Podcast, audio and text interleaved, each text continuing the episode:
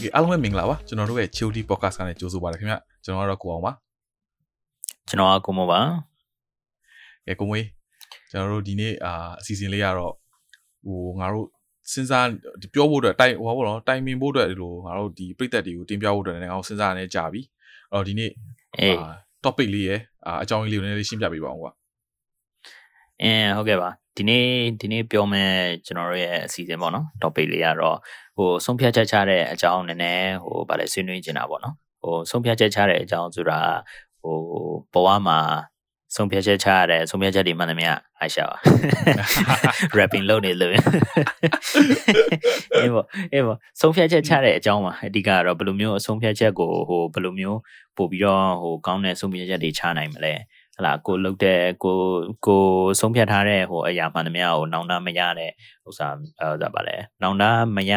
နိုင်စေတဲ့ဆုံးဖြတ်ချက်မျိုးပေါ့အဲ့ဒီဥစ္စာကိုဘယ်လိုမျိုးဘယ်လိုမျိုးအထောက်အကူပြုမလဲဆိုတဲ့ဥစ္စာလေးကိုကျွန်တော်တို့ကနည်းနည်းဆွေးနွေးချင်တာပေါ့ဗျာအဲတကယ်တကယ်တော့ဗျာဟိုကျွန်တော်တို့ကဟို expert တွေလည်းမဟုတ်ပါဘူးเนาะလုံးဝဟိုဗာလဲပညာရှင်တွေဒီဥစ္စာတွေကိုဟိုအမြဲတမ်းဟိုဗာလဲသွားပြီးတော့ဟိုမရှင်းပြနိုင်တဲ့လူတွေလည်းမဟုတ်ပါဘူးဗျာဒါပေမဲ့ကျွန်တော်တို့ရဲ့ဒီဘဝ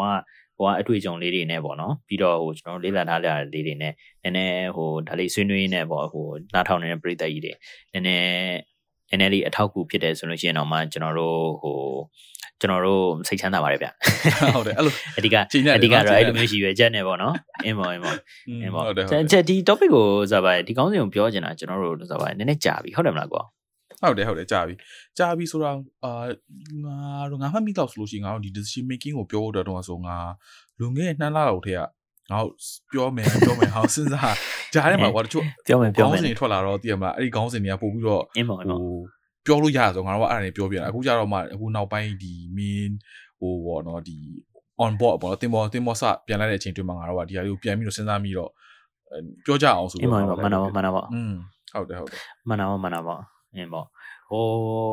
အဲ့ဒီဥစ္စာပို့ပြီးတော့ပြောစီချင်တာလည်းဗျာဟိုအဓိကကတော့ပေါ့နော်ဟိုကိုဆိုပါလဲဆုံးဖြတ်တဲ့ခုနကကျွန်တော်ပြောလိုမျိုးပဲဆုံးဖြတ်ချက်တွေမှန်သမျှပေါ့နော်ဟိုဟိုကောင်းတာတွေဆိုးရတွေအကုန်လုံးဟိုမှာအချိန်ပြီးတော့ပေါ့နော်အာဆုံးဖြတ်ချက်ချလိုက်တယ်ချလိုက်ပြီးတော့မှမှနည်းနည်းဟိုဗာလဲနည်းနည်းခက်ခဲလာပြီးအခက်ခဲနေတွေ့ကြုံလာပြီးဟာငါဘာဖြစ်လို့ဟိုကမလုပ်တာလဲဒီကမလုပ်တာလဲဆိုပြီးတော့အဲမျိုးစိတ်ရှုပ်တတ်တာရှိတယ်ဗျာ အဲစိတ်ရှုပ်တတ်တာရှိတဲ့ဥစ္စာတွေကိုဟိုပေါ့နော်ကျွန်တော်တို့အတွေ့အကြုံလေးနဲ့ဟိုနည်းနည်းပါပါအာ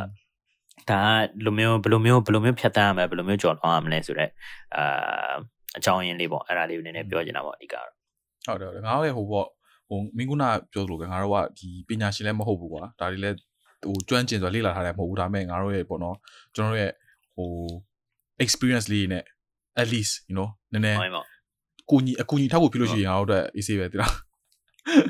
အင်းပေါ့အင်းပေါ့ဟိုပြီးလို့ရှိလို့ရှင်လည်းဟိုဗာလဲကိုလုတ်ခဲ့တဲ့ဟိုဆုံးဖြတ်ချက်တွေကဟိုဟိုဗာလဲမှားတယ်ဆိုပြီးတော့စိတ်စိတ်တက်ကြနေတဲ့လူတို့ဘာလို့ညာတို့ရှိခဲ့လို့ရှိရင်လည်းဗျာဟိုဟိုတယောက်တည်းမဟုတ်ပါဘူးကောနော်ကျွန်တော်လည်းကျွန်တော်လည်းအမျိုးစုံအမျိုးစုံပေါ်တော့ရလုပ်ပြီးတော့ဟိုအနောက်ကိုဆက်ကြည့်လိုက်လို့အနောက်ကိုတွေးကြည့်လိုက်လို့ရှင်ဟာ ဒုက္ခပဲကွာငါဒါလုံးဝမှာဒါလုံးဝမှာဆိုပြီးတော့ထင်ခဲ့တယ်ထင်ခဲ့တဲ့အချိန်လည်းရှိပါတယ်တယောက်တည်းမဟုတ်ပါဘူးလို့ဟလား team ကြပါနဲ့အဲ့တော့အဲ့တော့အခုကိုမိုးမှာကြည့်ရတာပုံစံပေါ့ငါတို့ဒါ saucy လုံးဝ story time side လို့ကိုမိုးမှာအခုကြည့်ရပုံစံကိုမိုး decision making အတွက်နည်းနည်းဟိုပြောမယ်ဟို episode လေးရှိရလို့ story လေးပေါ့ပုံမြင်လေးပေါ့ပုံမြင်လေးပေါ့ပုံမြင်လေးရဲ့ experience ကိုနည်းနည်း share ပါဘာလို့ဒီကွာငါတို့အရင်တော့နှစ်လအတွင်းမှာနှစ်လမလွန်ခဲ့နှစ်လတုန်းကပြောမဲ့ topic ကငါတို့အခုကြောင်ပြန်ပြီးတော့ဘာလို့ပြောဖို့အတွက် ဟိုပေါ့နော်ဆုံးဖြတ်ချက်ချလာလဲဆိုတာလေးကိုတော့ decision making ပေါ့ငါတို့ဘာလို့ဆုံးဖြတ်လဲဆိုတာလေးကိုလုပ်ပေးပါအင်းပါဘလို့ဆုံးဖြတ်ချက်လဲဆိုတော့โอเคကျွန်တော်ရဲ့ဒီပုံမြင်နဲ့ပြောရလို့ရှိလို့ရှိရင်ကျွန်တော်အဲဒီပေါ့နော်ကြောင်းပြီးတဲ့အချိန်ဘယ်လိုမျိုးကြောင်းပြီးတဲ့အခါကျလို့ရှိရင်ဗျာဟိုအကုန်လုံးအကုန်လုံးလည်းနားထောင်တဲ့ပြည်သူတွေလည်းဟိုဗာလဲအတန်းငယ်တဲ့အထက်ကဆိုလို့ရှိလို့ရှိရင်ဟိုအတန်းငယ်တဲ့အထက်ကရောအခုမှဗာလဲဒီအလုံးလုံးအလုံးထဲဝင်ပြီးတော့အလုံးတွင်းမှာအလုံးလုံးတဲ့လူတွေအကုန်လုံးလည်းနားလေကြမှာပါ ကျောင်းပြီးတာနဲ့ဒါမှမဟုတ်ကျောင်းမပြီးတဲ့အချိန်နဲ့တော့မှဟိုကို့ဘဝမှာဘာဆက်လုပ်ရမလဲဆိုပြီးတော့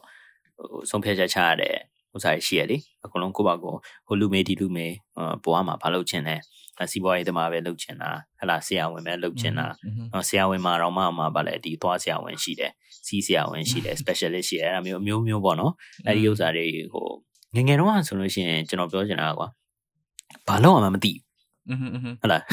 သူများတွေသူများတွေဟိုဗာလဲမေးပြီးတော့ဘယ်လိုမျိုးဆုံးဖြတ်ချက်ချရမလဲဆိုပြီးတော့အာစားဗာလဲပြီးတော့ကိုလန်းကိုပေါ့နော်ဘယ်လိုမျိုးလမ်းမျိုးဟိုစားဗာလဲရှောင်းရမလဲဆိုတော့ကိုပါကို prepare လုပ်ပြီးတော့ဟိုနောက်ပိုင်းဒီရှောင်းနင်းရတာပေါ့နော်อืมအဲကျွန်တော်ရဲ့ပုံမြင်ကတော့အဲ့ဒီအဲ့ဒီဥစ္စာနဲ့ဆိုင်ပါတယ်အာအဲ့ဒါလည်းအခုကျွန်တော်တင်မောသားလုံနေတဲ့ဟိုပေါ့နော်ဒီဆုံးဖြတ်ချက်အဲ့ငငယ်တော့ကအဲဆုံးဖြတ်ချက်ချလိုက်တဲ့အကြောင်းပုံမြင်လေးပေါ့ဟုတ်လား အာဘယ်လိုမျိုးဖြစ်လဲဆိုနေတော့ကျွန်တော်ကငငယ်တော့ကဗျာဒီတင်မောသားတင်မောသားဘယ်လိုပြောမလဲတင်မောသားအလုပ်ပေါ့နော်အလုပ်ကင်ပေါ့ဟုတ်လား career အဲ့ဒီအဲ့ဒီဥစ္စာကဘယ်လိုမျိုးကောင်းခဲ့လဲပေါ့နော်အဲပြီးတော့ဟိုတပီးတော်တို့ရဲ့ဘုံကြီးဘုံကြီးဘုံကြီးတရားနာပြီတပီးတော်တို့ရဲ့ဘဝတွေပဲဖြစ်တယ် sorry ကျွန်တော်ရဲ့ဒီဘဝမှာပေါ့နော်ဒီအဖေတို့အမေတို့ခေတုံးကဆိုလို့ရှိရင်တင်မောသား တင်မောသားလောကနဲ့ဟိုတင်မောသားအလောက်ကရှိတယ်ကောင်းတယ်ဟုတ်လားဟုတ်တယ်ဟုတ်တယ်ဒေါ်လာနဲ့လမ်းကရတယ်အဲပြီးလို့ရှိလို့ရှိရင်ဒီတင်မောသားလာစာဟိုမြန်မာပြည်ကိုပြန်သွားလို့ရှိလို့ရှိရင်အများကြီးအများကြီးပို့ပြီးတော့ဟိုတက်တောင့်တက်တာနေနိုင်တယ်ပေါ့တထေးဖြစ်တာတော့မဟုတ်ဘူးဗျာဒါပေမဲ့ဘောကတက်တောင့်တက်တာနေနိုင်တဲ့ဟိုဟိုလာကမျိုးရတယ်ဥစားဟုတ်လားပြီးတော့သူတို့တွေအများနဲ့ဟိုဗာလဲကြိုက်အရင်တန်းပြောအများနဲ့ပြောကြတာဟာ ငါတို့ရဲ့ငါတို့ရဲ့လာစားငါတို့ရဲ့လာစားရတဲ့ပတ်စံအရင်ဖြူစင်တယ်ကွာငါတို့လုံးဝလုံးဝဟိုဗာလဲအဲဟိုစိတ်ပူစရာမလိုဘူးပေါ့နော်ဒီဥစ္စာဟိုကလင်ကကျင်းနဲ့ရထားတဲ့ပတ်စံမပါညာဆိုပြီးပြောကြတာပေါ့ဗျာအဲ့ဒါငငယ်တော့ကလည်းဟိုအဖေကလည်းတင်မောတင်မောသားဖြစ်တဲ့အနေနဲ့ကွာအင်းမောအဖေအဖေချေကနင်းတာပေါ့အဲ့ဒါမျိုးပေါ့သူတို့ကလည်းတင်မောသားလာကလောကမှာပဲရှိတယ်ဆိုတော့ကောင်းကြောင်းနေမျိုးစုံပြောကြတာပေါ့လားဒါပေမဲ့အဲ့ဒီတော့ကလည်းဟိုဒီပေါ့နော်ဒီနောက်နောက်ရှေ့မှာဟို ရမယ်ရမယ်ဟိုကောင်းကျိုးတွေအကုန်လုံးကိုပဲစဉ်းစားပြီးတော့ကဲဒီတင်မောသားလမ်းပဲရှောက်အောင်ဆိုပြီးတော့ဆုံးဖြတ်ချက်ချခဲ့တာကြောင်းကြောင်းသွားတက်တာတို့ဘာလို့ညာတော့ဗောနော်ဒီကျွန်တော်တချို့ကကိုအောင်ရန်ကျွန်တော်ရဲ့တငယ်ချင်းတွေလည်းရှိပါတယ်ဟုတ်တယ်မလားဟိုတချို့လူတွေဆိုလို့ရှိရင်ဟိုစီးပွားရေးလုပ်ချင်တဲ့လူနဲ့ ဟုတ်လားဒီစာဒီကွန်ပျူတာနဲ့ဆိုင်တဲ့ဟိုဗာလဲကိစ္စနဲ့ဟိုဗာလဲရှေးကိုမြင်ပြီးတော့ဒီဥစ္စာကိုပို့ပြီးတော့လာလာရှိတယ်ဆိုတော့ဟိုဆုံးဖြတ်ချက်ကလည်းကိုအောင်လည်းအဲ့အဲ့အဲ့မှာပဲချခဲ့တာလားတချို့ကြတော့လည်းလုံးဝဟိုကျွန်တော်ရဲ့တငယ်ချင်းတငယ်ချင်းတွေမှာလုံးဝစီးပွားရေးပဲ share လုပ်မယ်ဆိုပြီးတော့ဆုံးဖြတ်ချခဲ့လူတွေလည်းရှိတယ်အဲ့ဒါမှအဲဟိုပါဟိုစားပါပြီးတော့ဆရာဝန်ဆရာဝန်မှဆရာဝန်ဆိုပြီးတော့လုပ်မယ်ဆိုပြီးတော့လုံးဝဟိုဗာလဲစိတ်စိတ်စားပါစိတ်တန်တဲ့ဟိုလူတွေလည်းရှိတယ်ဗျာ ဟုတ်လေအဲ့ဒီအချိန်မှာကျွန်တော်ကတော့တင်မွန်သားလုပ်မယ်ဆိုပြီးတော့ဆုံးဖြတ်ချက်ချခဲ့တယ်ဒါပေမဲ့အာဒီဘယ်လိုမျိုးဖြစ်ခဲ့လဲဆိုတော့ဒီဆုံးဖြတ်ချက်ဒီဆုံးဖြတ်ချက်လေးတစ်ခုရဲ့ဟိုဒီပုံမြင်လေးပေါ့နော်ဒီ graph ဆွဲမယ်ဆိုလို့ရှိလို့ရှိရင်ဗျာဒီဆုံးဖြတ်ချက်ကကောင်းတယ်ဆိုပြီးတော့အစတော့ဒီ graph ကနေပြီး0ကနေပြီးတော့စပြီးတော့တက်သွားတယ် graph လေးကနေပြီးတော့ဆွဲလိုက်လို့ရှိရင်တက်သွားတယ်တက်သွားပြီမဲ့တင်မောပေါ်ရောက်သွားတဲ့အချိန်မှာမိသားစုကိုခွဲခွာရတယ် ဟလာဒီပတ်စံရတဲ့ဥစ္စာလည်းမလိုချင်ဘူးဒီမှာတငယ်ချင်းတွေနဲ့လည်းမတွေ့ရဟုတ်တခါသွားလို့ရှိလို့ရှိရင်လည်း6လ8လ9လအဲ့ဒါမျိုးသွားရတဲ့အခါကျတော့ဟာငါရဲ့ဆုံးဖြတ်ချက်ကမှားပြီလားဆို graph အပေါ်တက်ကနေပြီးအောက်ကိုကျပါအဲ့လိုမျိုးပေါ့နော်အဲအဲ့ခါကျငါပဲမှားပြီလားဘာညာဆိုပြီးတော့လုံးဝစိတ်တက်ကြခဲ့တဲ့အချိန်တွေလည်းရှိတယ်ဟိုကျွန်တော်ရဲ့ဟိုပေါ့နော်ဒီ motivation episode မှာဆိုလို့ရှိရင်လည်းဟို ဟိုမနားထောင်သေးလို့ရှိရင်လည်းတွားပြီးနားထောင်ကြည့်လို့ရတယ်။ကြောင်ညာကြောင်ညာဖြစ်ဝင်။ဟိုဥစ္စာပါအဲ့မှာလည်းပြောခဲ့တယ်ဗျာဟိုကျွန်တော်တို့အဲ့မှာဒီဒီတမောရောက်တဲ့ကာလကျွန်တော်ရဲ့ဘဝမှာဟိုလုံးဝဟိုအနေဆုံးအနေဆုံးလိုမျိုးအချိန်ပေါ့နော်။ဘာဖြစ်လဲဆိုစိတ်ကစိတ်ကလည်းမတန်ငယ်ဘူးဟုတ်တယ်လား။ဒီတင်မောပေါ်သွားပြီးတော့အလုံးတင်အနေနဲ့သွားတဲ့ဥစ္စာလုံးဝအာဟိုဟာဖြစ်တယ်ဟိုစိတ်စိတ်ဓာတ်ကတော်တော်ကြန့်ခိုင်ဖို့လိုတယ်ဟိုကိုယ်လာပြီးတော့အပေးမဲ့လူလည်းမရှိဘူးပါညာဆိုအဲ့ဒီချိန်ကျတော့ဟို အဲလုံးဝမတန်ခဲ့ဘူးပေါ့နော်လူဆိုပါလူကမတန်မခဲ့ဘူးမှလုံးဝဟိုလောကအတကြီးတခုတည်းဟိုသွားသွားရတဲ့ဥစ္စာအတွက်ကျွန်တော်ရဲ့ဒီဆုံးဖြတ်ချက်ကမှားပြီဆိုပြီးတော့ဒီ graph လေးပေါ်မှာသူကနည်းနည်းကြာသွားပြန်အောင်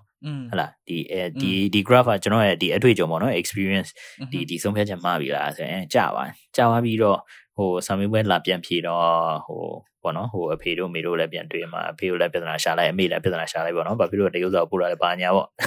အဲ့ခါကျတော့လဲဟို ဘဝဟိုဗာလဲအချိန်ကလည်းကုန်ပါပြီဗျာဟိုနှစ်နှစ်နှစ်နှစ်ကလည်းပြီးသွားပြီဆိုတော့ဗာလဲ polytechnic တက်တာဆိုတော့နောက်ဆုံးတစ်နှစ်လည်းရောက်နေပြီဆိုတော့အာကဲဘာဘာလို့အောင်လဲပေါ့အဖေနဲ့မေကတော့ဟိုအကုန်လုံးကအားပေးပါတယ်မင်းပြောင်းကျင်တယ်မင်းဒါလုပ်ကျင်တယ်ပါညာဆိုပြဿနာမရှိဘူးမင်းနောက်နောက်ထပ်ဒီနှစ်နှစ်ပဲဟိုအချိန်ပို့တာပေါ့ငါတို့တွေမင်းဟိုဗာလဲတခြားနေရာပို့ဝင်မပါညာအဲခါကျတော့လုံးဝပြန်ပြီးတော့စဉ်းစားဒီဒီပေါ့ဟိုဒီပထမဆုံးဒီဆုံးဖြတ်ချက်ချလိုက်တဲ့အချိန်မှာကောင်းကြောင်းဆိုးကြောင်းတွေနဲ့တွေးပြီးသွားပြီ ဟလာဒီခုနကကျွန်တော်တို့အစပြောလို့မျိုးပဲအခက်ခဲနဲ့ကြုံလာတဲ့အခါကျလို့ရှိရင်ဘယ်လိုမျိုးရှေ့ကိုဆက်သွားရမလဲဆိုရင်တော့လေဒီဒီဒီပေါ့နော်ဆုံးဖြတ်ချက်ချခဲ့တဲ့ဥစ္စာလေဘယ်သူမှလည်းဘယ်သူမှလည်းဟိုအပြစ်တင်လို့မရဘူးဗျာဟုတ်တယ်လားဟုတ်တယ်အမြဲတမ်းအမြဲတမ်းတကူးဖြစ်တယ်ဆိုလို့ရှိရင်ဟိုကိုအောင်ဟိုစားဗာလဲကိုအောင်ဖတ်ဘူးလားမသိဘူးစာအုပ်တုပ်ရှိတယ်သူကဟို Rich Dad Poor Dad by Robert ကြား Kiyosaki ဘူးတယ်ကြားဘူးတယ်อืมကြားဘူးတယ်ဖတ်တော့ဖတ်တယ်ကြားဘူးတယ် ဒါဟို import Rich Dad Poor Dad က Robert Kiyosaki ဆိုတဲ့အဲ့စာအုပ်ကကွာတကယ်တမ်းစီးပွားရေးစာအုပ်ဟုတ်လားစီးပွားရေးစာအုပ်ဆိုပေမဲ့သူ့ရဲ့သူ့ရဲ့အဲ့ဟို chapter ဒီသူဒီသူ့ရဲ့ဒီအပိုင်းလေးတွေထဲမှာ rich dad poor dad ရဲ့အပိုင်းလေးတွေမှာ तू ကပြောပြတယ်ဒီပေါ့နော်ဒီစီးပွားရေးလုပ်တဲ့အခါမှာဟိုဘယ်လိုမျိုးဘယ်လိုမျိုးအောင်မြင်အောင်လုပ်တဲ့စီးပွားရေးဟို အာစီစီးပွားရေးသမားဖြစ်မလဲပေါ့နော်ဘယ်လိုမျိုးအောင်မြင်အောင် successful ဖြစ်မလဲဆိုတဲ့အချိန်မှာဒီဒီ decision ဒီ decision လုပ်တဲ့ဥစ္စာကိုသူ့ရဲ့အဖေကဒီစီးပွားရေးလုပ်နေတဲ့အဖေရှိတယ်ကွာ तू ကတင်ပေးတာလုံးဝသူသူ့ရဲ့ဟိုပေါ့နော်ဒီစိတ်ကိုအရင်ဦးဆုံးပြောင်းရမယ်ပေါ့ဟုတ်လားအဲ့ဒီတည်းကခုတ်ကလေးကဟိုဒီအာဘယ်လိုပြောမလဲဟိုကိုယ့်ရဲ့အလုပ်ရှင် ဒါမှမဟုတ်တခြားလူတွေကိုအပြစ်တင်မယ်ဆိုလို့ရှိလို့ရှင်သူတို့ကပြဿနာသူတို့ကိုပြောင်းလဲရမယ်ဒါပေမဲ့ကိုယ့်ဘက်ကို if you find that you yourself is the problem uh then you have to change yourself ဟုတ်တယ်လားဒါပေမဲ့ဘာဖြစ်လဲဆိုတော့ငါ what i'm trying to say is ကွာဟိုသူများသူများပြဿနာ if somebody else is the problem then you have to change them and most of the time you can't change the other person one right ဟုတ်တယ်ဟုတ်တယ် ဟုတ်တယ်မလားဒါပေမဲ့ကိုယ့်ဘာကိုက ငါမှပြဿနာရှိတယ်ဆိုပြီးတော့မြင်လိုက်လို့ရှိလို့ရှင်ကိုယ့်ဘာကိုပြောင်းလဲလိုက်လို့ရှိလို့ရှင်ဘယ်လိုမျိုးရှေ့ဆက်သွားရမလဲအခက်အခဲတွေကိုဘယ်လိုကျော်လွှားလိုက်မလဲဆိုတာအဖြေကပေါ်လာတယ်အဲအဲ့ဒီအဲ့ဒီစာအုပ်ထဲကအဲ့အဲ့စာအုပ်ထဲကအဲ့ဒါမျိုးပြောတဲ့ပုံစံလေးပဲပေါ့နော်ဒီဒီဒီဒီစာသားလေးကိုကြိုက်လို့ခုနက share တာပေါ့အဲ့ဒီအဲ့ဒီအတိုင်းပဲဟိုကျွန်တော်ဒီစိတ်တက်ကြတဲ့အချိန်မှာပြန်ပြီးတော့ကိုယ့်ဘာကိုသုံးသပ်ပြီးတော့ကဲငါပဲဆုံးဖြတ်ခဲ့တာဟာလားဒီငါရဲ့ဒီဆုံးဖြတ်ချက်တွေကလည်းဟိုနောက်အနာဂတ်မှာမှ ပို့ပြီးတော့ကောင်းကျိုးတွေကတွေ့ရမှာအခုတွေ့ရသေးမှာမဟုတ်အခုကတော့ခက်ခဲအောင်ပဲဟာလားအဲ့ခါကျတော့ကိုယ့်ဘာကိုပဲဒီဆုံးဖြတ်ချက်ချတဲ့အတိုင်းဟိုကိုကကိုကပဲပြဿနာရှိတာငါငါဘာသာငါကွာမှလာပြီးတော့ပြော့မနေနဲ့ပေါ့နော်မှဒီမှာကြိတ်ခံလိုက်ဟလာဆက်လက်ပြီးတော့ဟိုဗာလဲ just endure လာ you know ဟိုအာမီမှာဆိုလို့ရှိရင်အေး don't be a ကူညံလာ you know တခါတင်လာအင်းပေါ့ဟိုဗာလဲอืมဟိုဟိုပရိသတ်ပရိသတ်တွေကဘာပြောနေတာလဲလို့မေးနေရရှိလို့ရှိရင်ဟိုကျွန်တော်တို့ဟို national service ဝင်တဲ့အခါကျလို့ရှိရင်ကျွန်တော်တို့တွေဟိုဗာပြေးတာတော့မပြေးနိုင်ဘူးဆိုလို့ရှိလို့ရှိရင်အနောက်ကနေပြီးတော့ဟိုဗာလဲ dress ဗာလဲအနောက်ကနေပြီးတော့လက်စားဗာလဲတုံးနဲ့တုံးနဲ့လိုက်တဲ့လူကဟဲ့ဟောမင်းတို့တွေမင်းဘာဖြစ်နေတာလဲဟိုအဖြစ်နေပြောမနေနဲ့ဘာညာဆိုနောက်ကအော်တဲ့ပုံစံမျိုးပေါ့နော်အဲ့လိုမျိုးပုံစံမျိုးကိုယ့်ဘာကိုပြန်ပြောပြီးတော့ကဲငါဘာသာငါပဲဒီဆက်လက်ပြီးတော့မှကိုယ့်ဘာကိုဟိုဗာလဲစိတ်ဓာတ်ကြန့်ခိုင်အောင်ထားပြီးတော့ဆက်ရှောင်းရမယ်ဆိုပြီးတော့နောက်ဆုံးဒီချင်းကိုရောက်လာပြီဟုတ်လားဒီအခက်အခဲတွေကိုကြော်သွားအဲကြော်သွားခဲ့ပြီးတော့အခုအခုချိန်ကျတော့ဟို graph graph လေးကပြန်တက်သွားတာပေါ့နော်ဟုတ်လားအခက်အခဲတွေကြော်လာမှပြီးပြီဟိုကိုကိုဆုံးဖြတ်ချက်စပါချတဲ့အချိန်တုန်းကလည်းကောင်းကျိုးတွေဆိုးကျိုးတွေအကုန်လုံးကြည့်ပြီးသား အဲပြီးတော့ဒီကိုယ့်ရဲ့ဆုံးဖြတ်ချက်အတိုင်းဟိုဆက်ပြီးတော့သွားလို့ရှိလို့ရှိရင်နောက်ဆုံးပန်းတိုင်ပေါ့နော်ဒီကိုလိုချင်တဲ့လိုချင်တဲ့ဥစ္စာကိုမြင်လာပြီးဟိုကိုမြင်ထားတဲ့ဥစ္စာအဲကိုမြင်ထားတဲ့နေရာပေါ့နော်အဲကိုရောက်လာပြီဆိုလို့ရှိရင်အဲ့တော့မှကောင်းချိုးတွေပြန်ပြီးတော့ခန်းစားရတယ်ဆိုတဲ့ဥစ္စာပေါ့ကျွန်တော်ရဲ့ပုံမြင်နေရတော့ဒါပါပဲကျေးဇူးများတင်ပါတယ်ခင်ဗျာနောက် episode မှာတွေ့အဲအဲ့တော့ငါဟိုဟာပေါ့မေးချင်တာတခုပါပေါ့ဟိုမင်းလို့နောင်တရတဲ့ဘာတွေဟာမျိုးရှိခဲ့လားဒါမှမဟုတ်လို့ရှိရင်လည်းမင်းတို့အဲ့လိုနောင်တရ อืมအဲလို့မေးပါဦးဘာပြောအဲ့တော့အဲ့နောက်တော့ရတဲ့ဟာမျိုးရှိတယ်ရှိခဲ့တဲ့ဟာကြလို့ရှိရင်အဲ့လိုဟာမျိုးကြရင်မင်းကဘလိုမျိုးပေါ့နော်ဟို thinking system မင်းဘလိုဘလိုဟိုနေဖြစ်လဲဘလိုမျိုးပြောင်းလဲလဲပေါ့မင်းအဲ့လိုနောက်တော့ရလို့သူကနောက်တော့ရရဆိုတာမျိုးကွာပြောလို့ရှိလို့ရှိရင်ဟိုအဲ့ပေါ့ငါမမှားခဲ့ပြီလားဆုံးဖြတ်ချက်အဲ့ပေါ့အဲ့လိုဆုံးမလမ်းမရတယ်မဟုတ်ကွာဆုံးဖြတ်ချက်ချခဲ့တဲ့နေရာမှာကိုယ်ဆုံးဖြတ်ချက်ချခဲ့လိုက်တယ်ဒါမဲ့ဟိုပန်းနဲ့ရောက်လို့ရောက်ကွာ outcome ကကွာသိရမလားဟိုကိုလိုချင်တဲ့ outcome မဟုတ်ဘူးကွာပြောလို့ရှိရင် ကိုလိုချင်တဲ့ process ကမဟုတ်ဘူးအဲ့လိုလို့ရှိလူတွေနဲ့စဉ်းစားပြီးတော့နောက်ပြန်ကြည့်လို့နောင်တရရဆိုတော့ဒီမှာအဲ့လိုမျိုးသဘောမျိုးပေါ့အဲ့တော့အဲ့လိုမျိုးဖြစ်ခဲ့လို့ရှိရင်မင်းဖြစ်ခဲ့ဘူးလားဖြစ်လို့ရှိရင်မင်းဘယ်လိုမျိုးပေါ့နော် overcome လုပ်လဲအင်းပေါ့အဲ့ဒီဥစ္စာလဲဆိုပါလဲခုနကွာကျွန်တော်ပြောတဲ့ဟိုဒီ rich dad poor dad စာအုပ်ကလေးကိုပဲပြန်ပြီးတော့ဟို refer ပြန်လုပ်တာပေါ့နော်ဟိုဘာဖြစ်လဲဆိုတော့အဲ့စာအုပ်ထဲမှာလဲမှာပြန်ပြီးတော့ပြန်ပြီးတော့သူတို့သူတို့အပိုင်းတစ်ခုကသူတို့ပြောတယ်ဒီ failure failure is also a necessary component of success you know ဟုတ်တယ်လားဒီရှုံးနိမ့်ဖို့ကလည်းဒီရှုံးနိမ့်ဖို့ဆိုတာအောင်မြင်ဖို့အတွက်ရှုံးနိမ့်ရှုံးနိမ့်ရုံခံရမှာပဲဟဟလာရှုံးနိုင်ခြင်းဟိုမခံရဘူးတဲ့လူမှန်သမျှလုံးဝတကယ်ဟိုဗာလဲအောင်မြင်တယ်ဆိုတော့အောင်မြင်မှုကိုအာလုံးဝနားမလည်နိုင်ဘူးပေါ့อืมသဘောကဟုတ်တယ်လားနော်ဟိုဥပမာပြောရမယ်ဆိုလို့ရှိလို့ရှိရင်အရန်အေးခဲ့ဘူးမှဒီဇာပါလဲနွေဒီမီးရဲ့နှွေးထွေးမှုကို လုံးဝဟို appreciate လုပ်နိုင်တာပေါ့ဟုတ်တယ်ဟုတ်တယ်ဟုတ်နော်အင်းပေါ့ so အဲ့အဲ့ဒီအဲ့ဒီဟိုသဘောမျိုးပဲလုံးဝရှုံးနေခဲ့ပြီးတော့မှဩငါဘာဖြစ်လို့ဟိုဗာလဲဒီအောင်မြင်တဲ့အချိန်မှာဟာငါဒီဥစ္စာကိုရလာပြီငါငါလိုချင်တဲ့ငါလိုချင်တဲ့ဥစ္စာတွေကဒါပါပဲလားဆိုပြီးတော့တေချာတေတေချာချာဟိုဗာလဲဒီ appreciate လုပ်နိုင်တာပေါ့နော် အဲ့ဒါမျိုးခုနကကိုအောင်မေးတဲ့ question အတိုင်းပဲဟိုနောင်နှရရတဲ့အချိန်ချလို့ရှိလို့ရှိရင်တကယ်ဟိုလိုချင်တဲ့ outcome မရခဲ့ဘူးပေါ့နော်ကိုလိုချင်တဲ့အဖြေမထွက်လာဘူးကိုလိုချင်တဲ့ဥစ္စာမဟုတ်ဘူးဆိုလို့ရှိလို့ရှိရင်အာဘယ်လိုမျိုးပြောရမလဲဆိုလို့ရှိလို့ရှိရင်ကျွန်တော်တို့ကတော့ကွာအဲ့ဒီခုနကဟိုစာအုပ်ထဲကပြောလိုမျိုးပဲဒီ failure ကလုံးဝ necessary ဖြစ်တယ်ဟုတ်တယ်လားလုံးဝဟို successful ဖြစ်ချင်လို့ရှိလို့ရှိရင်အာဘာဖြစ်လဲဆိုတော့ကိုလိုချင်တဲ့ outcome မရဘူးဆိုလို့ရှိလို့ရှိရင်ကိုယ့်ဘာကိုအဲ့ဒီအချိန်မှာပြန်ပြီးတော့သုံးသပ်ရတာပေါ့နော် အဲကဲငါဘာဖြစ်လို့ငါဘာဖြစ်လို့ဒီကိုလိုချင်တဲ့ဥစ္စာကိုမရတာလဲဒါမှမဟုတ်ဒီကိုယ့်ရဲ့ပန်းတိုင်ကိုရောက်ခေါ်ရောက်ပြီလားမသိကြသေးဘူးလေဟုတ်တယ်လားဒါပေမဲ့ဒီခုနကတော့ဟိုကျွန်တော်ရဲ့ဒီတင်မောသားတင်မောသားဟိုဗာလဲဒီ ဟို internship ကတဲ့လုပ်ပြီးတော့ပြန်လာတဲ့အချိန်တော့ဗောနော်ဆက်လုံးဝလုံးဝဟိုစိတ်တက်ကြတဲ့အချိန်မှာဟာငါဒုက္ခပဲငါငါဒီကပန်းတိုင်ကိုရောက်ပြီလားငါဒီဒီဘွားကိုငါလိုချင်လားဆိုပြီးပြန်ပြီးတော့သုံးသက်တဲ့အချိန်မှာအဲအဲ့ခါကျလို့ရှိရင်လုံးဝရှုံရှုံနေတဲ့အချိန်ပေါ့နော်အဲ့ခါကျလို့ရှိရင်ပြန်ပြီးတော့သုံးသက်ပြီးတော့မှကဲဟုတ်ပြီဒီကိုကိုစားပါတယ်ကိုဘာသင်ခန်းစာတွေယူနိုင်လဲပေါ့ဒီအချိန်မှာ ဟလာငါဘာဖြစ်လို့ဒီစိတ်ထဲကနေပြီးတော့နောက်နောက်ရနေလဲငါပြဿနာပဲကိုဘာကိုကိုဘာကိုဘယ်လိုမျိုးပြောင်းလဲရမလဲကိုဘာကိုဘယ်လိုမျိုးဟိုဘာလဲပြောင်းရမလဲဒီဘဝဘယ်လိုမျိုးဘယ်လိုမျိုးအမြင်နဲ့မြင်ရမလဲဘယ်လိုအကြည့်နဲ့ကြည့်ရမလဲပေါ့နော်ဒီ just like your perspective လား you can try looking at it from another angle down down down တခုကနေပြီးတော့ပြန်ပြီးတော့ကြည့်ရမယ်အဲ့ခါကျတော့ ဟိုကျွန်တော်ရဲ့သင်ခန်းစာလေးอ่ะဗောနော်အဲ့ဒီအချိန်မှာတော့ကျွန်တော်ကပဲစိတ်ဓာတ်မကြန့်ခိုင်းတာဗောဟုတ်လားတင်မောသားတွေလည်းအများကြီးပဲကွာအဖေတို့အချိန်တုန်းကလည်းသူတို့လည်းကြော်လွားနိုင်ခဲ့တယ်သူတို့အချိန်တုန်းကအင်တာနက်လည်းမရှိဘူး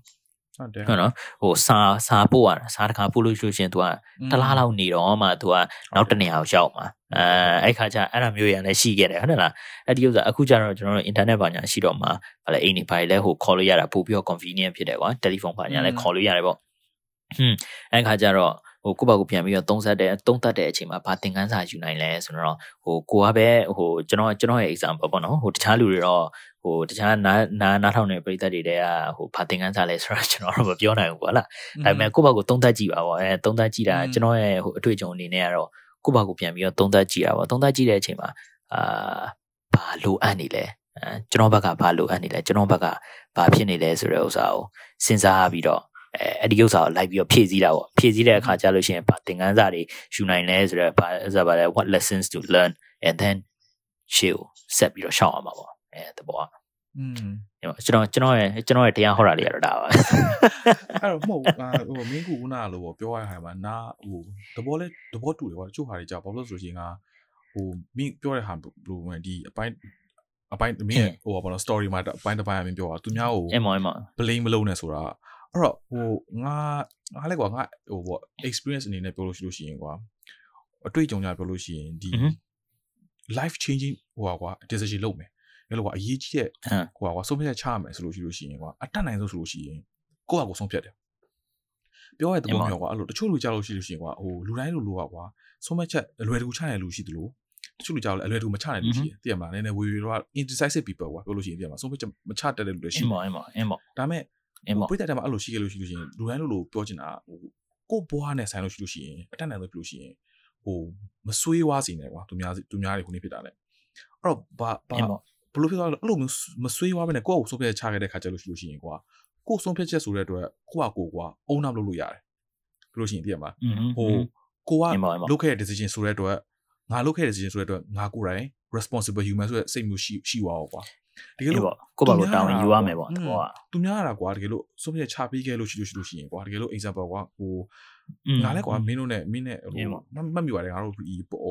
ကြောင်းလဲပြီးလဲပြီးတော့ယူဟိုပေါ်လီမှာငါတို့ course ယူနေတော့ဆိုရှင်ငါလည်းဘယ်တော့သွားမှမသိဘူးကွာပြောလို့ရှိရင်ဟို